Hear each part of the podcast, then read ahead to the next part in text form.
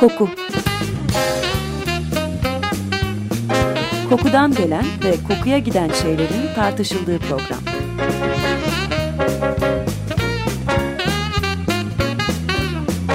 Hazırlayan ve sunan Vedat Ozan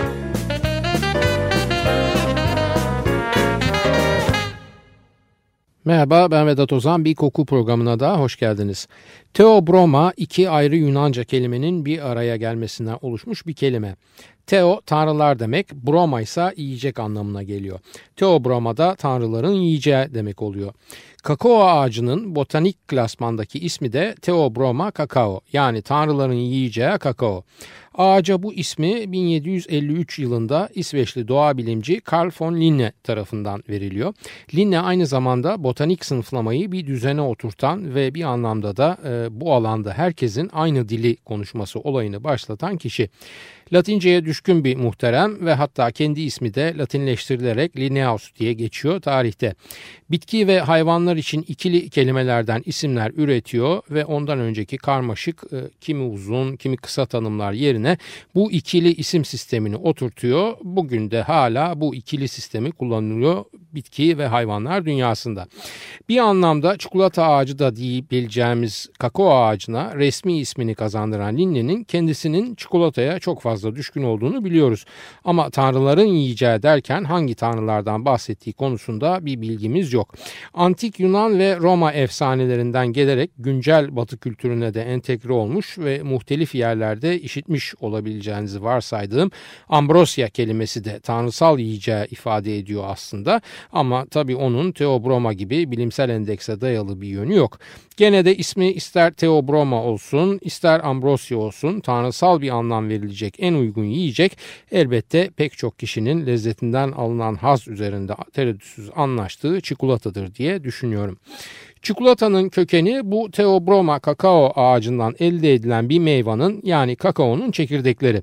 Gerek toplumsal hayatta gerekse ekonomik hayatta çok önemli bir madde kakao fakat dünyanın hemen her yerinde son derece yaygın tüketimine rağmen aynı yaygınlıkta üretilemiyor. Ekvator çizgisini 20 derece kuzey ve tam tersinde de 20 derece güneyine bir adım uzaklaştınız mı kakao ağacı yetiştirme çabalarınız hüsranla sonuçlanabiliyor. Kakao çekirdeklerinin yarıya yakınını yağ oluşturuyor. Yarıya yakını diyorum çünkü yağ oranı yetiştiği bölge ve hasada göre farklılık gösterebiliyor. İki ana malzeme elde ediyoruz bu meyveden. İlki çok kıymetli olan kakao yağı ve ikincisi bu yağ çıkarma işleminden arta kalan bizim toz haline getirilmişine kısaca kakao dediğimiz katı kütle. Kakao yağının akıbeti imalatçının iyi niyetine veya kar hesaplarına kalmış bir durumda. Eğer üreticinin amacı superfine dediğimiz üstün nitelikte bir çikolata üretmekse o zaman doğal halinde olduğundan fazla kakao yağı bile ilave edebiliyor karışımına. Bu hem tadını hem de akışkanlığını sağlıyor yediğimiz çikolatanın. Eğer üreticinin niyeti bu kaliteyi yakalamak değilse o zaman yağı unutuyoruz tamamen ve %15 kadar kakao katı kütlesi ve üstüne de şeker, süt tozu ve çok daha ucuz nebati yağlar eklenerek bize satılıyor ve kakao yağı da başka endüstrilerde mesela kozmetik endüstrisinde kullanılmak üzere ayrı pazarlara doğru yola çıkıyor. Çikolatanızı şişirmek için resmi veya gayri resmi hile hurdaya başvurulması da yeni bir şey değil. 18 ve 19. yüzyıla ait yemek kitaplarında bu hilelere karşı uyarılar bolca var. Zira o dönemlerde bile kakao kütlesine tuğla tozu katmaktan veya kakao yağına hayvansal iç yağ ilave etmekten bahsediliyor. Ben kakaonun katı kütlesinin tadından hoşlanmıyorum diyorsanız veya daha doğrusu bu ince nüansı ayırabiliyorsanız o zaman beyaz çikolata yiyeceksiniz. Zira beyaz çikolatada kütle yok, kakao yağı, şeker ve süt tozu var sadece. Lezzet duygusunun büyükçe bölümünü oluşturan koku duyumuzun bize bir hediyesi aslında çikolata. Çünkü kokusunu almadığınızda yani burnunuzu tıkayıp çikolata yediğinizde çikolatanın tadının aslında tebeşirden bir farkı yok. Ve ona esas cazibeyi veren de o muhteşem kokusu. Yediğinizde dedim ama çikolatanın yenilebilir olması aslında çok da eski değil. Binlerce yıllık tarihi var yaklaşık 2500 senelik ve bu tarihin sadece son yakın dönemlerinde yenilebilir bir katı katı yiyecek oluyor çikolata. Ondan önceki uzun serüvenini aslında bir içecek olarak yapıyor ve hatta kaba konup da üzerinde bolca köpük olmazsa pek itibarda görmüyor. İsmin nereden geldiğine dair pek çok söylenti var ve en çok kabul göreni de Güney Amerika kıtası kaynaklı köpüklü su anlamına gelen ksokolat kelimesi. Fiziksel olarak cinsel iştaha arttırdığına dair kesin bir kanıt olmasa da en afrodizyak kabul edilen gıdalardan birisi. Acımasızlığıyla bilinen kaşif Fernando Cortez ki İspanya Krallığı adına Meksika'yı keşfeden ve dahi fetheden kişidir. E, İmparator Montezuma'nın pek çok karısından herhangi birini ziyaret etmeden önce bal ve vanilya ile aromalandırılmış çikolata içtiğini müşahede ediyor ve bunu da yazılı olarak kayda geçiyor. O zamandan beri de afrodizyak besinler listesinde kendinden menkul bir anlamla baş sıralarda yer alıyor çikolata. Kral Montezuma'nın veya İmparator Montezuma'nın günde 50 kap çikolata içtiği söyleniyor ama büyük olasılık bu aynı zamanda günde 50 kez karılarını ziyaret ettiği anlamına gelmiyordur. O kadar olağanüstü olağanüstü güçler vermese de gene Montezuma'nın çikolata için kutsal bir içecektir. Bağışıklığı arttırır ve yorgunlukla savaşır. Bu içeceğin bir kabı ile bir erkek bir gün boyunca başka bir şey yemeden ve içmeden yürüyebilir dediği rivayet olunuyor. Afrodizyak veya değil çikolatanın ruh halimizi değiştiren bir özelliği olduğu kesin. Bu keyif verme halinden dolayı da özellikle püriten anlayış tarafından hep şüpheyle karşılanıyor. Böyle şüpheli bakanlar da onu günahkar bir yiyecek olarak olarak sınıflamaktan geri durmuyorlar.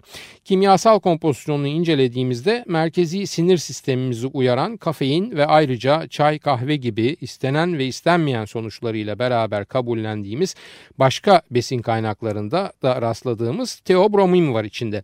Teobromin aynı zamanda kedi ve köpeklere çikolata vermememizin de sebebi çünkü bu hayvanların metabolizması için öldürücü olabiliyor. Kalp ve sinir sistemlerini aşırı derecede uyarabiliyor teobromin. Çikolatada ayrıca aminler de dediğimiz tiramin ve feniletil amin de bulunuyor. Tiramin peynir veya balık gibi başka besinlerde de mevcut ve bazı bünyelerde migreni tetikleyen bir özelliği var. Bu yüzden migren derdi çeken pek çok kişinin yasak listesinde çikolatada bir madde olarak yer alıyor. Feniletil amin ve tiramin uyarıcı kimyasallar olarak görülüyorlar ve kan basıncımızı yani tansiyonumuzu yükseltebiliyorlar. Devam ediyorum. Çikolatanın içinde ayrıca yüksek miktarda magnezyum da var. Yani canımız birden çok fazla çikolata çekmeye başladığında bu aslında vücudumuzdaki magnezyum seviyesinin düşük olduğuna dair de bir sinyal. Ama bunu duyup da her canınız çektiğinde vücudumda denge kurayım diye çikolatanın üstüne atlamayın. Çünkü dengeyi ters taraftan bozarsanız bu kez de magnezyum fazlasından doğacak sağlık sorunlarıyla boğuşmak zorunda kalabilirsiniz. İngiltere'de beyin dalgaları üzerine yapılmış bir araştırma var. Bu araştırmada yaşları 17 ile 37 arasında değişen 21 öğrenciye muhtelif kokular koklatılıyor. Çikolata kokusunun var olduğu ortamda bu öğrencilerin beyinlerindeki teta dalgalarının hareketlendiği gözleniyor. Nedir teta dalgaları? Teta dalgaları yaptığımız rutin işten beyin olarak uzaklaştığımız o işi otomatiğe bağlayıp kendi kendimizle kaldığımızın göstergesi. Yani hani laf vardır ya Türk'ün aklı tuvalette gelir diye aslında o sadece Türklere özgü bir akıl gelmesi değil çoğu kişinin aklı ya tuvalette ya da duşta geliyor. Bu mekanlardaki esas aktivitelerimizi yaparken yani klozete oturup dışkımızı veya idrarımızı çıkarırken veya başımızdan aşağı duşun suyu akarken ve biz sabunlanırken bu işleri aslında otomatiğe bağlıyoruz. Boş kalan beynimizde rahat bir düşünce akışı ve dolayısıyla yaratıcılığa yolculuğa kapılar açabiliyor. Buna benzer duyguları banyo ve tuvalet gibi mekanların dışına çıkarırsak mesela hoş kır manzaralı uzun bir yolda saatlerce araba kullanırken de benzer bir yaratıcılığa şahit olabiliriz kendimizde. Çikolatanın kokusu da işte bunu gösteren teta dalgalarının hareketlenmesine sebep oluyor. Buna basitçe gözü açıkken hayal görmekte diyebiliriz ve çikolata kokusu bize bunu sağlıyor. Teta dalgaları konumundayken son derece olumlu bir durum içindeyiz aslında aslında ve bu süreç içinde oluşan hayallerimiz bizde suçluluk veya kendini kısıtlama veya sansürleme gibi engellerle de karşılaşmadan özgürce gelişebiliyor. Efendim bu öğrencilere sadece çikolata koklatılmıyor elbette. Çilek, kimyon, sarımsak, soğan, muhtelif sebzeler, badem falan da koklatılıyor. Sarımsak ve soğanı sadece açlık durumunda hoş gelebilecek kokular olarak bir kenara ayırsak bile mesela çilek veya badem için böyle bir genel yargı söz konusu değil ve hoş kabul edilen kokular kokular bunlarda. Ama çileğe rağmen çikolata bu test içinde en çok beğenilen koku olarak işaretleniyor denekler tarafından. Beğenilmenin ötesinde en çok rahatlatan duygu dalında da birinciliği çikolata kokusu alıyor. Feniletilamin yani çikolatanın içeriğinde demin saydığımız madde amfetaminlere benziyor yani uyarıcı bir madde. Bu madde sadece uyarmakla kalmıyor aynı zamanda vücut kimyamız içindeki doğal ağrı kesicileri ve belki daha da önemlisi endorfinleri harekete geçiriyor. Endorfinler harekete geçtiğinde kendimizi daha hoş ve belki de hafif esrik bir mutluluk içinde hissedebiliyoruz. Uyandırdığı bu duygu aslında aşık olmanın beynimizde uyandırdığı duyguya çok benzeşiyor ve bu nedenle çikolata ile aşk arasında da böyle bir paralellik ister istemez kurabiliyoruz. Aşk veya şehvet hissi duymamız halinde de 3 aşağı 5 yukarı aynı maddelerin salgılanması komutunu veriyor çünkü beynimiz. Bu nedenle aşk acısı çekenlere çikolata yemeleri önerilebiliyor ve böylece o acı başka bir yeni heyecan ve mutlulukla değiştirilmek istenebiliyor. Bu kurduğumuz paralellik zaman içinde koşullandırmaya ve koşullandırılmış tepkiye de dönüşebiliyor ve biz bu iki benzer duyguyu aynıymışçasına algılayabiliyoruz. Çikolata bu anlamda romantikleşiyor gerçekleşiyor. O zaman da bilinçaltımız çikolata kokusunda veya imgesinde bu romansı arayabiliyor. Bunun en basit sonucu da sevgililer gününde havalarda uçuşan kalp şeklindeki çikolata paketleri oluyor. E, endüstri de bir yerden beslenmek zorunda yoksa bu araştırmalar nasıl fonlanacak? Kısa bir kahve molası verelim. Siz isterseniz tabii kahve yerine sıcak çikolata da içebilirsiniz. Nancy Sinatra'dan dinliyoruz. These boots were made for walking.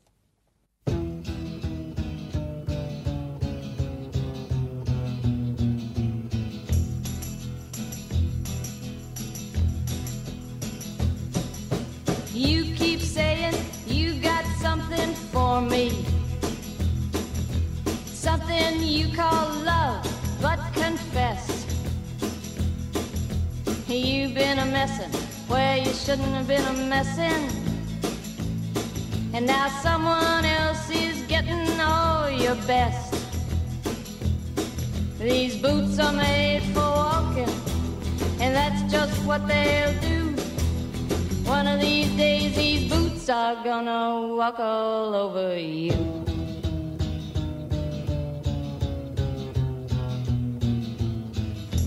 Yeah. You keep lying when you ought to be truthing.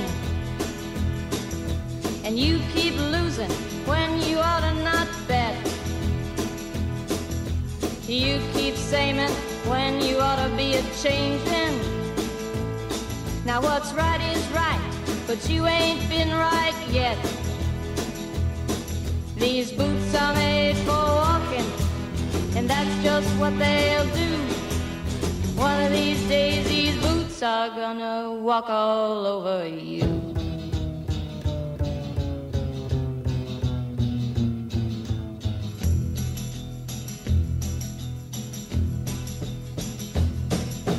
You keep playing where you shouldn't be playing. And you keep thinking that you'll never get burned. A brand new box of matches, yeah. And what he knows you ain't had time to learn. These boots are made for walking, and that's just what they'll do. One of these days, these boots are gonna walk all over you.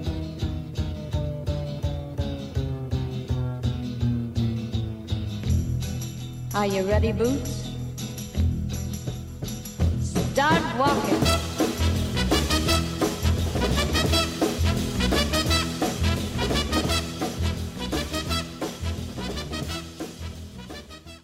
Açık Radyo 94.9 koku programındayız. Nancy Sinatra'dan dinledik. These boots were made for walking. Kakao nasıl giriyor insanoğlunun hayatına? Popüler pek çok kitapta bu konuda muhtelif söylenti var.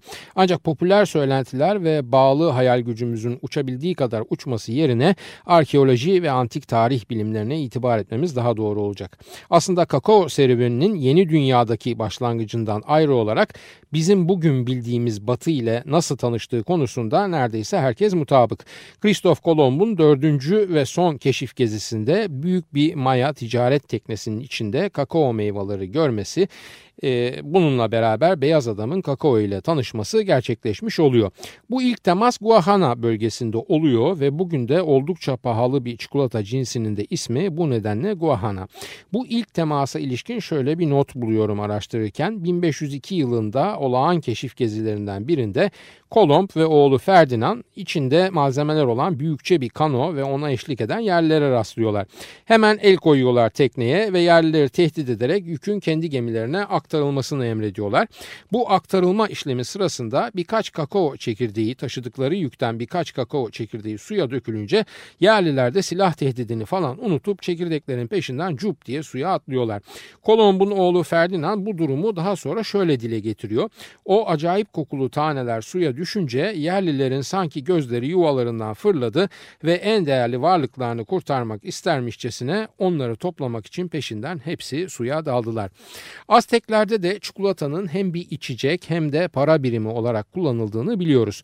Para birimi olarak da kullanılıyor demek aslında karikatürlerde gördüğümüz o dolarla prosunu yakan şişman zengin adama da bir gönderme taşıyor.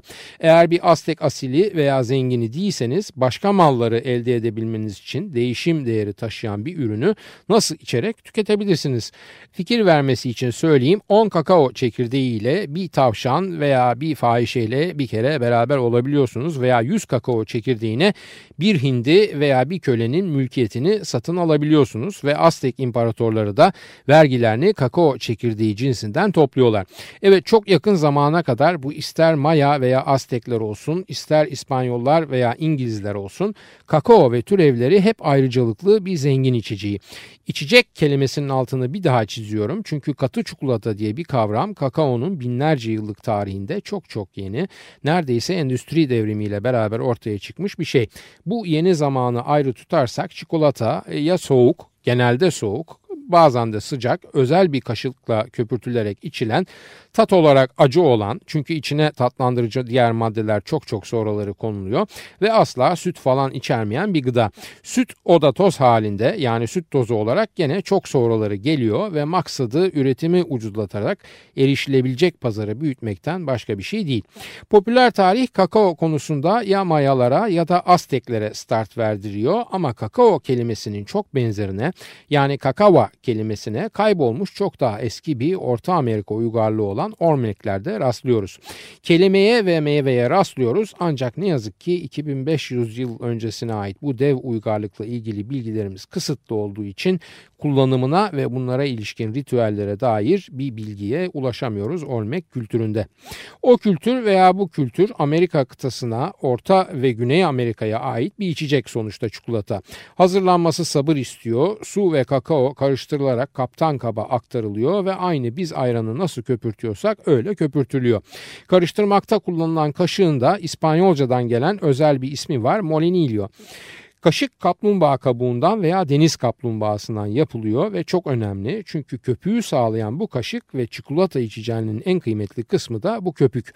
Mayalar bu çikolata içeceğini çekirdekleri ısıtarak ve döverek toz haline getirdikten sonra mısır unu ve acı biberle fermente olmaya bırakarak yapıyorlar.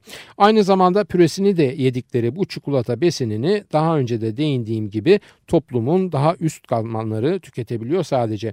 Bir çikolata efsanesine göre Aztek tanrısı Quetzalcoatl yeryüzüne kakaoyu indiren tanrıdır ve bu yüzden de cennetten kovulur. Zira kakao sadece tanrılar katında onlara sunulmaya ve sadece onlar tarafından tüketilmeye layık ilahi bir içecektir.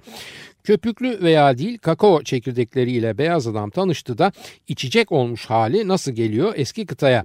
Buna ilişkin ilk belgeler 1544 tarihini taşıyor.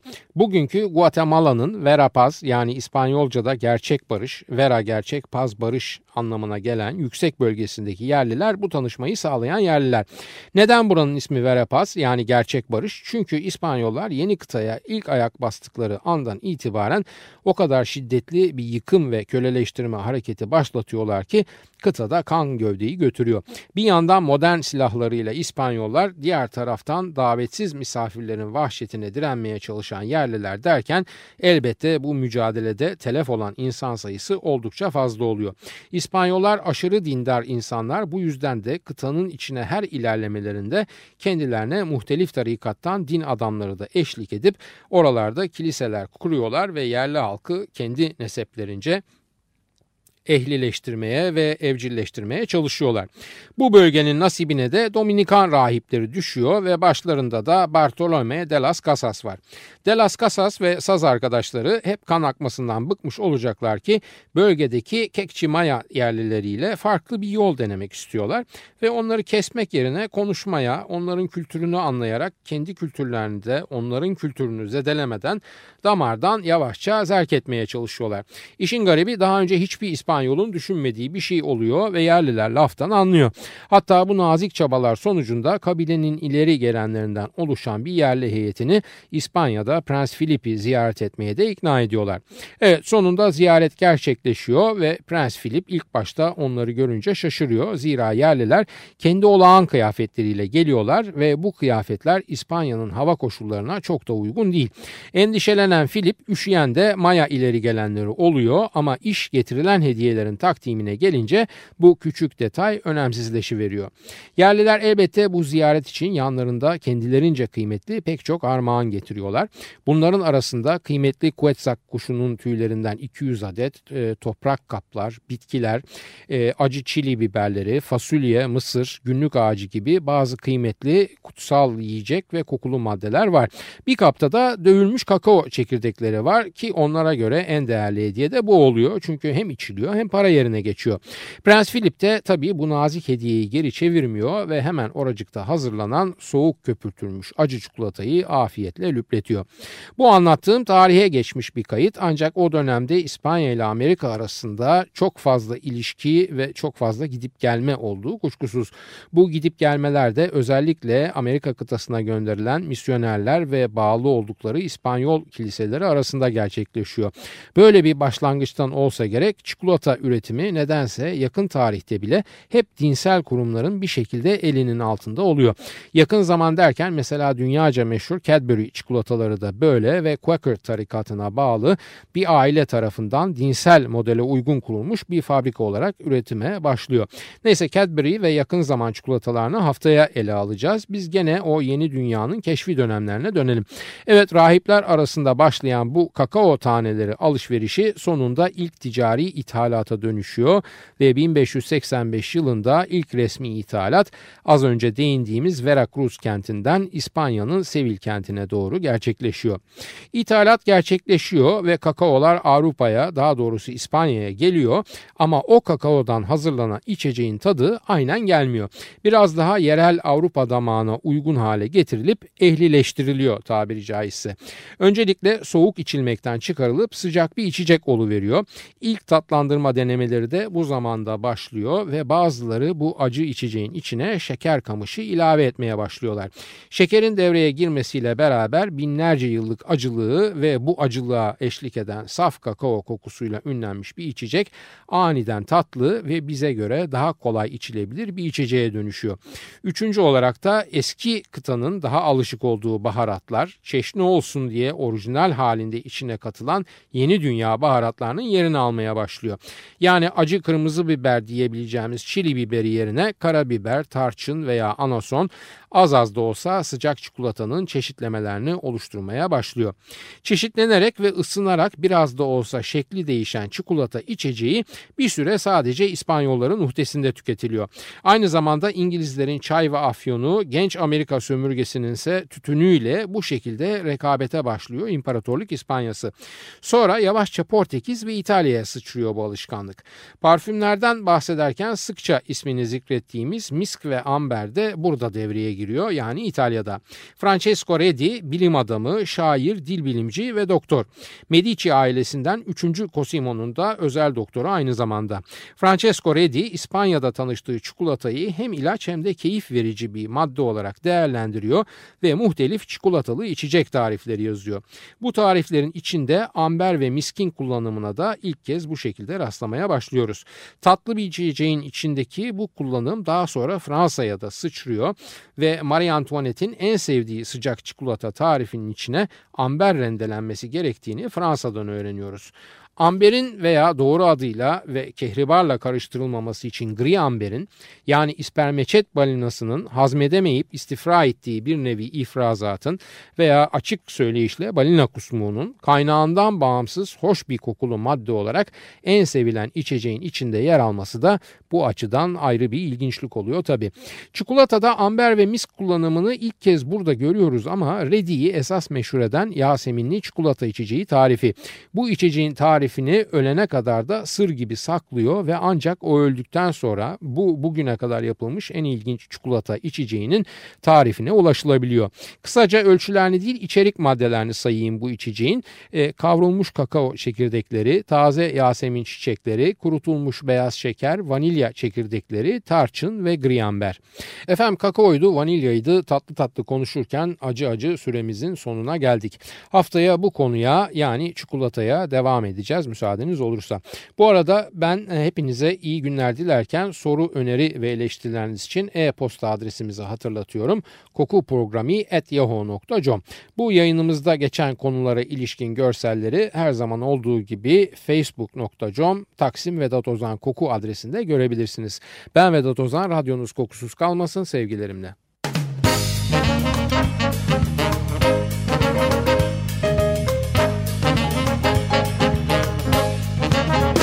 Koku Kokudan gelen ve kokuya giden şeylerin tartışıldığı program.